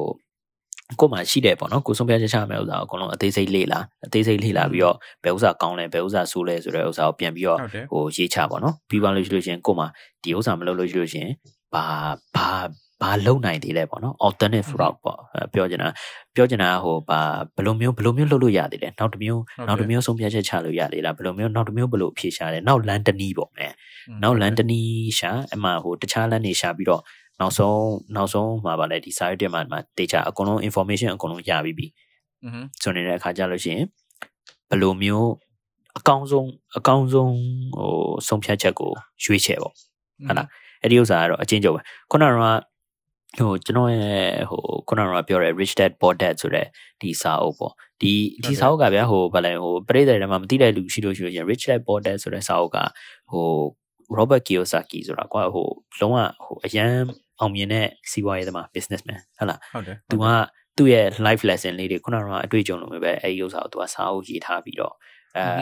သူကဒီပေါ့နော်ဒီ publish လုပ်တာပေါ့အဲ့ဒီဥစ္စာကိုပဲကျွန်တော်တို့ကလည်းဟိုဟိုကျွန်တော်ကျွန်တော်ပြန်ပြီးတော့ဟိုဖတ်ကြည့်တာပေါ့အဲ့ဒီထဲမှာလည်းသူ့ရဲ့ပထမဆုံး lesson တွေထဲမှာလည်းပါတယ်ဒီဆုံးဖြတ်ချက်ချတဲ့ဥစ္စာတော့မဟုတ်ဘူးပေါ့သူတို့ကသူပြောတဲ့ဥစ္စာသူပြောချင်တာကတော့သူရဲ့စီးပွားရေးလောကမှာပေါ့နော်ဟိုอืมကိုယ့်ရဲ့စိတ်ကိုထိန်းတဲ့ကိစ္စကိုသူကပြောတာ ကိုယ့်ရဲ့ဒီလောဘတွေဟလာကိုယ့်ရဲ့လောဘတွေဟိုစားဘယ်လိုမျိုးမထိန်ချုပ်နိုင်မထိန်ချုပ်နိုင်အောင်ပေါ့ကိုယ့်ဘက်ကိုဟုတ်တယ်လားမင်းကိုလာစာပူပေးမယ်ဆိုလို့ရှိလို့ရှိရင်ကွာမင်းမင်းလုံနေတဲ့အလုပ်တစ်ခုကိုပဲမင်းတစ်လကို1000ပေးမယ်မင်းဒီကုမ္ပဏီမှာလာခဲ့1000 15000ပေးမယ်ဒီကုမ္ပဏီမှာလာခဲ့ဟုတ်တအဲ့ယ်ဒါမျိုးဟောစားပါလေဒီပြောလိုက်လို့ရှိရင်ကွာဒေါ်လာ1000ဆိုလို့ရှိရင်ကွာမင်းစိတ်ထဲမှာရင်းနေပါခုံသွားမှာပေါ့ဟုတ်လားอืมဒါပေမဲ့ဟုတ်တယ် ဒါပေမဲ့လုံးဝချက်ချင်းမင်းကိုခုနကလိုမျိုးမင်းမင်းပုံစံလိုမျိုးပဲမ pressure ပေးတယ်ဟဲ့မင်းပေးမယူမလားမယူလားဟောဖြစ်တယ်တရားဖြစ်တယ်ဟုတ်တယ်အမှန်မင်းဖိအားပေးတဲ့အချိန်မှာမင်းကလည်းဟိုကြောက်တဲ့စိတ်နဲ့ အဲဒါပေမဲ့လောဘစိတ်နဲ့ဒီစိတ်ကိုမထိန်နိုင်ပဲကိုယ့်ဘာကိုမှ yes ဆိုပြီးတော့ပြောလိုက်လို့ရှိလို့ရှင်အဲမင်းသွားပြီမင်းမင်းခုနကတော့ပြောတဲ့ဥစ္စာ तू ကလားစာပဲပြောတာမင်းဘာလုပ်ရမလဲဆိုတာကိုမပြောဘူးမင်းဘာမင်းဘယ်လိုမျိုးပြဿနာရှိမယ်ဆိုတာကိုမပြောဘူးမင်းဘယ်လိုမျိုး risk တွေယူရမလဲဆိုတာကိုမပြောဘူးဟုတ်တယ်လားဟုတ်တယ်ဟုတ်တယ်အဲငါပြောချင်တာကတော့အဲ့ဒီစာအုပ်ထဲမှာပြောလို့ပဲကိုယ့်ရဲ့စိတ်တွေကိုစိတ်ကိုထိန်နိုင်ရမယ်ပေါ့နော်ကိုယ့်ရဲ့ emotion တွေကိုယ့်ရဲ့ဒီစိတ်ထဲကဟိုဒီလောဘတွေဒေါသတွေအဲ့ဒါမျိုးတွေအဲ့ဒါမျိုးတွေကကိုယ်မထိန်ချုပ်နိုင်အောင်ပေါ့နော် ကိုယ့်ရဲ့လိုအပ်ချက်တွေကမထိန်ချုံနိုင်အောင်ခုနက ဟုတ် မ တယ် င်းပြောတဲ့ဟို7 step decision making ရတယ်အဲ့ဒါကိုပဲ तू ကနောက်တစ်မျိုးပြန်ပြောထားတာဟုတ်တယ်လား อืม ဒီ ဟုတ်တယ် ဟာကိုယ့်ရဲ့ကိုယ့်ရဲ့ပြဿနာတစ်ခုကိုအသေးစိတ်လေ့လာပြီးတော့ကောင်းတာဆိုးတာကိုရေးချဆိုတဲ့ဥစ္စာကိုယ့်ရဲ့ဒီစိတ်ထဲကနေပြီးတော့ပေါ့နော်ပါလာတဲ့ bias ဟလာဘက်လိုက်တဲ့ဘက်လိုက်တဲ့စိတ်ကို तू ကဖျောက်လိုက်တာအဓိက ဟုတ်တယ် အင်းအေးပေါ့ဟိုမင်းကိုမင်းကိုစားပါလေဒီနည်းနည်းတက်တက်တာတာလို့ ရှိမယ်လို့ထင်တဲ့အလုပ်တစ်ခုနဲ့ဟလာဒါမှမဟုတ်အလုပ်ငါတို့ငါတို့ကတော့ဟိုအလုံးနဲ့ပဲငါတို့စားပါလေဒီဥပမာပေးနေတာပေါ့နော်ဒီအလုံးမဟုတ်ပဲနဲ့ကွာမင်းတကယ်အားကစားအားကစားတစ်ခုမှပဲထားပါတော့မင်းရဲ့ဒီ Man U နဲ့ Liverpool နဲ့မင်းဘောလုံးကနေဆိုရယ်တွေ့တော့ထားပါတော့ဟလားอืမင်းမင်း Liverpool ကိုမင်းကဟိုဗာလဲစီးပွားရေးတစ်ခုအနေနဲ့မင်းကဒီအားပေးမယ်ပေါ့ဟုတ်ပါဘူးအားပေးမယ်စီးစီးပွားရေးတော့မဟုတ်ပါဘူးကွာလောင်းတာပေါ့နော်ကျွန်တော်တို့လောင်းကစားလောင်းကစားအားပေးတာမဟုတ်ပါဘူးလောင်းကစားအားပေးတာမဟုတ်ပါဘူးနော်လောင်းလောင်းကစားတော့ပြောတာတော့အားအားအားပေးတာတော့မဟုတ်ပါဘူးနော် อื ဒါ ม ပေမဲ့ဟိုဗာလဲဥပမာဥပမာလေးပြောရတယ်ဒီမှာဘောလုံးဝင်လောင်းမယ်ဆိုလို့ရှိရင်ကွာကျွန်တော်ကအမြဲတမ်း Liverpool ကိုဟိုဗာလဲအားပေးတဲ့ပရိသတ်ဖြစ်တယ် ဟုတ် အဲ တယ် အဲ့ခါကျလို့ရှိရင်ဒီဥစ္စာကိုနိုင်မယ်ဆိုပြီးတော့အားပေးအောင်သူကလှုပ်ထားတယ်ဟုတ်လား อืม ဒါပေမဲ့ အဲ့ဒါမျိုးဒီစိတ်စိတ်ကနေပြီးတော့ဆိုတာပါအဲ့ဒါအဲ့ဒီအချိန်ကြာလို့ရှိရင်ကွာကိုယ့်ရဲ့စိတ်ကဆုံးဖြတ်ချက်ကိုဆုံးချတဲ့ဆုံးဖြတ်ချက်ကိုအရန်ကြီးကိုသူက influence ဖြစ်သွားပြီအရန်ကြီးကိုသူကပါသွားပြီဒီစိတ်ကြောင့်ဟုတ်တယ်စိတ်ကြောင့်အရန်ဖက်လိုက်ပြီးတော့သူကဒါဆုံးဖြတ်ချက်ချတာဒါကဟိုတိတိချာချာပေါ့နော်အသေးစိတ်ဟိုဗာလဲကောင်းတာဆိုးတာကိုနဲ့သုံးသက်ပြီးတော့อืมချတဲ့ဆုံးဖြတ်ချက်မဟုတ်ဘူး อืมအဲ့လိုမျိုးပေါ့အဲ့ဒီချိန်ကြလို့ရှိရင်လီဗာပူးကဟိုကောင်းတဲ့ဘောလုံးသမားတွေအားမှာဗာလဲဒူနာလို့ခါနာလို့ဘိုက်နာလို့ဘိုက်ကြီးလို့နားနေမယ်ဆိုလို့ကျရှင်မင်းနိုင်ကင်းကနေဝါကြီးလေဟုတ်တယ်မလားအဲ့အဲ့လိုမျိုးပေါ့အဓိကပြောနေတာကဒီကိုကိုစိတ်ကိုကိုထင်ရတော့ခုနကကိုအောင်ရဲ့ဟိုဒီ story တွေကပြောသူမျိုးဟုတ်လားဟိုလုံးဝဟိုအရန်အရန်ပြင်ပန်းနေတဲ့အချိန်မှာအရန်အလုံးလုံးနေအလုံးရှုံနေတဲ့အချိန်မှာသူတို့ကလိုက်ပြီးတော့ဟိုအရန်ကြီးကိုတွန်းနေပေါ့နော်သူကဟဲ့ဒါလို့ဒါလို့ဒါလို့ဆိုတော့ဟိုအဲ့ချိန်မှာကိုကလည်း ကိုနည်းနည်းဟိုစိတ်ရှုပ်ပြီးတော့ပင်ပန်းနေတဲ့အချိန်နဲ့ကဲဖြစ်ချင်တာဖြစ်ဆိုပြီးတော့ကိုယ့်ရဲ့စိတ်ကိုอืมဟုတ်တယ်ဟိုဒါပဲနဲ့အလျှော့ပေးပြီးတော့သူကပြောလိုက်တဲ့သဘောမျိုးပေါ့ဟုတ်အဲတယ်ဒါပေမဲ့ပြီးသွားတော့ကိုယ့်ရဲ့အိမ်မှာဒီနည်းနည်းစိတ်မရှုပ်တဲ့အချိန်မှာနော်ဟုနတ်ည်းနည်းထမင်းလေးပါလေးစားပြီးတော့ရေလေးပါလေးချိုးပြီးတော့နည်းနည်းဘိုင်စိလေးတ်ရငြိမ်တင်းသွားတဲ့အချိန်မှာပြန်ပြီးတော့ဆုံးဖြတ်လိုက်တော့အဲဘိုင်လေးကလည်းတင်းသွားတော့မှာဟာဒါဒါကမဟန်သေးပါလားပေါ့နော်ဒါဟုတ်တယ်ဆောက်လွဲဖြစ်နေပါလားအဲအဲ့လိုမျိုးပေါ့အဲအဓိကကတော့ခုနကကိုအောင်ပြောတာလည်းမှန်တယ်ဟိုမလောနဲ့ဆိုတဲ့ဥစ္စာ ဟိုอืมကိုယ့်ဘာကိုအချိန်လိုတယ်ဆိုလို့ရှိလို့ရှိရင်လည်းကဲမလို့နင်းနေအောင်ခဏနေအောင်နော်အဲဒီငါအချိန်တစ်ခုပေးတေချာစဉ်းစားမယ်ဒီမှာစိတ်ကိုဇာပါလဲနဲ့ရှင်းတဲ့အချိန်ကြာစဉ်းစားပါတော့ခုနကဒီခုနကပြောတဲ့ဒီ decision making strategy ထဲမှာလဲဟိုတခြားလမ်းဘာနီးလမ်းရှိတယ်ဆိုတော့ဥစ္စာကိုရှာဆိုတဲ့အချိန်မှာလဲကိုယ့်ဘာကိုတခြားနီးလမ်းရတော့ကွာဟိုနောက်တစ်ယောက်ပေါ့နော်ဒီမိသားစုတစ်ယောက်ယောက်ဟုတ်ဟုတ်တယ်လားဒါမှမဟုတ်တငယ်ချင်းတစ်ယောက်ယောက်ယင်းနီးတဲ့လူတစ်ယောက်ဟဲ့အောင်လုပ်အောင်ငါငါဒီဥစ္စာ ဥစ္စာငါဒီဒီဒီဆုံးဖြတ်ချက်တစ်ခုချရမယ်ဒါမှန်လားမမှန်လားဆိုတာမင်းငါပြောပြပါအောင်ပေါ့နော်အဲပေါ့ငါလည်းနည်းနည်းအကြံပေးပါအောင်ပေါ့ อืมသူတို့ဟို fresh you ဟိုကွာဒီလုံးဝ prospective ဟိုတတ်တတ်စင်စရာပါသွားလိမ့်မယ်ကွာအော်ဟို မှန်တာပေါ့မှန်တာပေါ့ တည်မလားဟိုရင်းနှီးရဲ့ သူတို့ကနောက်တောင်းတစ်ခုကနေပြီးတော့ကြည်ပေးတာပေါ့ อืมအဲ့လိုအဲ့လိုဖြစ်သွားဟုတ်တယ်အဲ့လိုနောက်တစ်ခုကနေဟုတ်တယ်နောက်တစ်ခုကနေကြည့်ပြရပါဘောအစ်စ်ကွာလုံးဝဟိုကိုမမြင်ထားတဲ့ problem တွေရောကိုကိုမခံမခံမခံမထားတဲ့ပြဿနာတွေသူတို့ကနေ က တိသွားလိမ့်ပြောပြလိမ့်မယ်ကွာအေးပေါ့အေးပေါ့အဲကြောင့်လို့ရှိရင်မင်းအရင်ဆိုင်နေရတဲ့လူဆိုတော့မှန်တာပေါ့မင်းကအရင်ဆိုင်နေရတဲ့လူဆိုတော့တချို့အကွက်တွေကမင်းမမြင်ဘူးလေဒါပေမဲ့နောက်ဘေးနားကတယောက်ကနေပြီးတော့မင်းဟိုအခြေချုပ်ကနေကြည့်ပေးမယ်ဆိုလို့ရှိရင်မင်းမြင်ရတယ်ကွာဟုတ်တယ်လားဟုတ်တယ်ဟုတ်တယ်ဟုတ်တယ်အင်းပေါ့ခုနဘောလုံးဘောလုံးကန်တဲ့ example တခုပဲဥပမာတခုပဲပြန်ပြီးတော့ပြောရတယ်ဆိုလို့ရင်ဘောလုံးကန်တဲ့လူကတော့ဟာအသေးကြီးကန်တယ်မင်းကဘေးနာနေပြီးတော့အဲ့ဘက်ကိုကန်ရပါအဲ့ဘက်ကိုလူပေးရပါလားပါညာဆိုဘေးနာပြီးတော့ on နေတာပေါ့ဟလားဘောလုံးဘောလုံးမကန်ဘောလုံးမကန်လို့ရှိရတော့ပါဟိုဗာလဲ အဲဘောလုံးမကန်လို့ရှိရင်တော့မမဲဟိုကိုရီးယားကိုရီးယားကကြည်နေလို့ရှိရင်ဟာဒီကောင်မကလည်းမဲဆောက်တလဲဖြစ်ပြန်ပြီပေါ့နော်မမြင်ဘူးဟလားနော်ဒီကောင်ကနင့်ကိုလိန်နေတာနင့်ကိုအနောက်ကနေပြီးတော့မှဗာလဲဒီဖောက်ပြန်နေတဲ့ဥစ္စာနင်တို့မမြင်ဘူးလားအဲဘေးနားကနေပြီးတော့ကြည်နေတဲ့ပရိသတ်ကနေပြီးတော့လုံးဝမြင်နေတာပေါ့တဲကကြည့်လဲတူတူပဲလေ တဲကကြည့်လဲတူတူပဲလေဒါမှမဟုတ်မပွင့်နဲ့မဝင်နဲ့ဟာဝင်သွားပြန်ပြီဩဒုက္ခတယောက်တည်းမသွားနဲ့လေဩသွားပြီတယောက်တည်းတေးလိုက်ရောပေါ့ဟောတော့ဟဲ့ဟောအေးတေဝါပြန်ပြီကွာအေးဟောလာပြီနောက်တစ်ယောက်လာပြီနဲ့နောက်ဆောက်တလဲနောက်တစ်ယောက်လာပြီဘယ်လိုတေမလဲမသိဘူးကြည့်ရအောင်အေးအဲ့လိုမျိုးဟုတ်တယ်ဟုတ်တယ်အဲအဲ့လိုပုံစံမျိုးဖြစ်နေတော့အဲ့ဒီဥစ္စာအဲ့ဒါကတော့အဲ့ဒါကတော့ဗျာဟိုကျွန်တော်ကျွန်တော်ကျွန်တော်တို့ရဲ့ဒီဒီအတွေ့အကြုံလေးတွေ share လုပ်တာပေါ့ဟုတ်လား အင်းပေါ့ဒီစားအင်းပေါ့ဒီကျွန်တော်တို့ရဲ့ဒီနားထောင်နေတဲ့ပရိသတ်တွေလည်းဒီ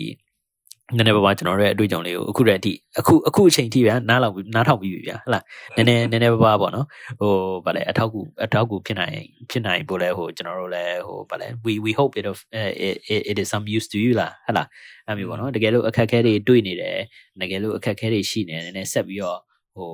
ကိုကိုပါကို motivation လုပ်ရဲဆိုလို့ရှိရင်ကျွန်တော်တို့ motivation episode နားထောင်နေရပါတယ်။နဲစိတ်အစင်မပြေဘူးဆိုလို့ရှိရင်လည်းကျွန်တော်တို့ရဲ့ဟိုပါတယ်ဒီဒီစိတ်ကျမ်းမာရေးဟို episode တခုလုပ်ထားတဲ့စာရှိပါတယ်။အဲဒီဥစ္စာမှာပို့ပြီးတော့ကျွန်တော်တို့ရဲ့ဒီဒီပေါ့နော်စိတ်ကျမ်းမာရေးအကြောင်းဒီမြန်မာပြည်မှာဟိုစားပါလေဥဆောင်ပြီးတော့လုပ်ကိုင်နေကျွန်တော်တို့ရဲ့ဒီမိတ်ဆွေတယောက်ရဲ့ဒီပေါ့နော်ဒီ honest hour ဟို interview လုပ်ထားတဲ့ဥစ္စာလည်းရှိပါတယ်ဟဟလားဒီအဲ့ဒီ episode ကိုနည်းနည်းသွားနားထောင်ပြီးတော့ဟိုဘယ်လိုမျိုးအကူအညီယူရမလဲဘာညာဆိုတာလည်းအာသွားပြီးတော့သွားပြီးတော့ဟိုလေ့လာနိုင်ပါတယ်ပေါ့ဟလားကျွန်တော်ကျွန်တော်တို့ကတော့ဒီ episode ကလေးကတော့အဲဒီမှာဒီမှာပဲဒီမှာပဲရန်နာလိုက်အောင်လားကွာ โอเคပါဒီမှာရနာလိုက်ရအောင်ဗျာ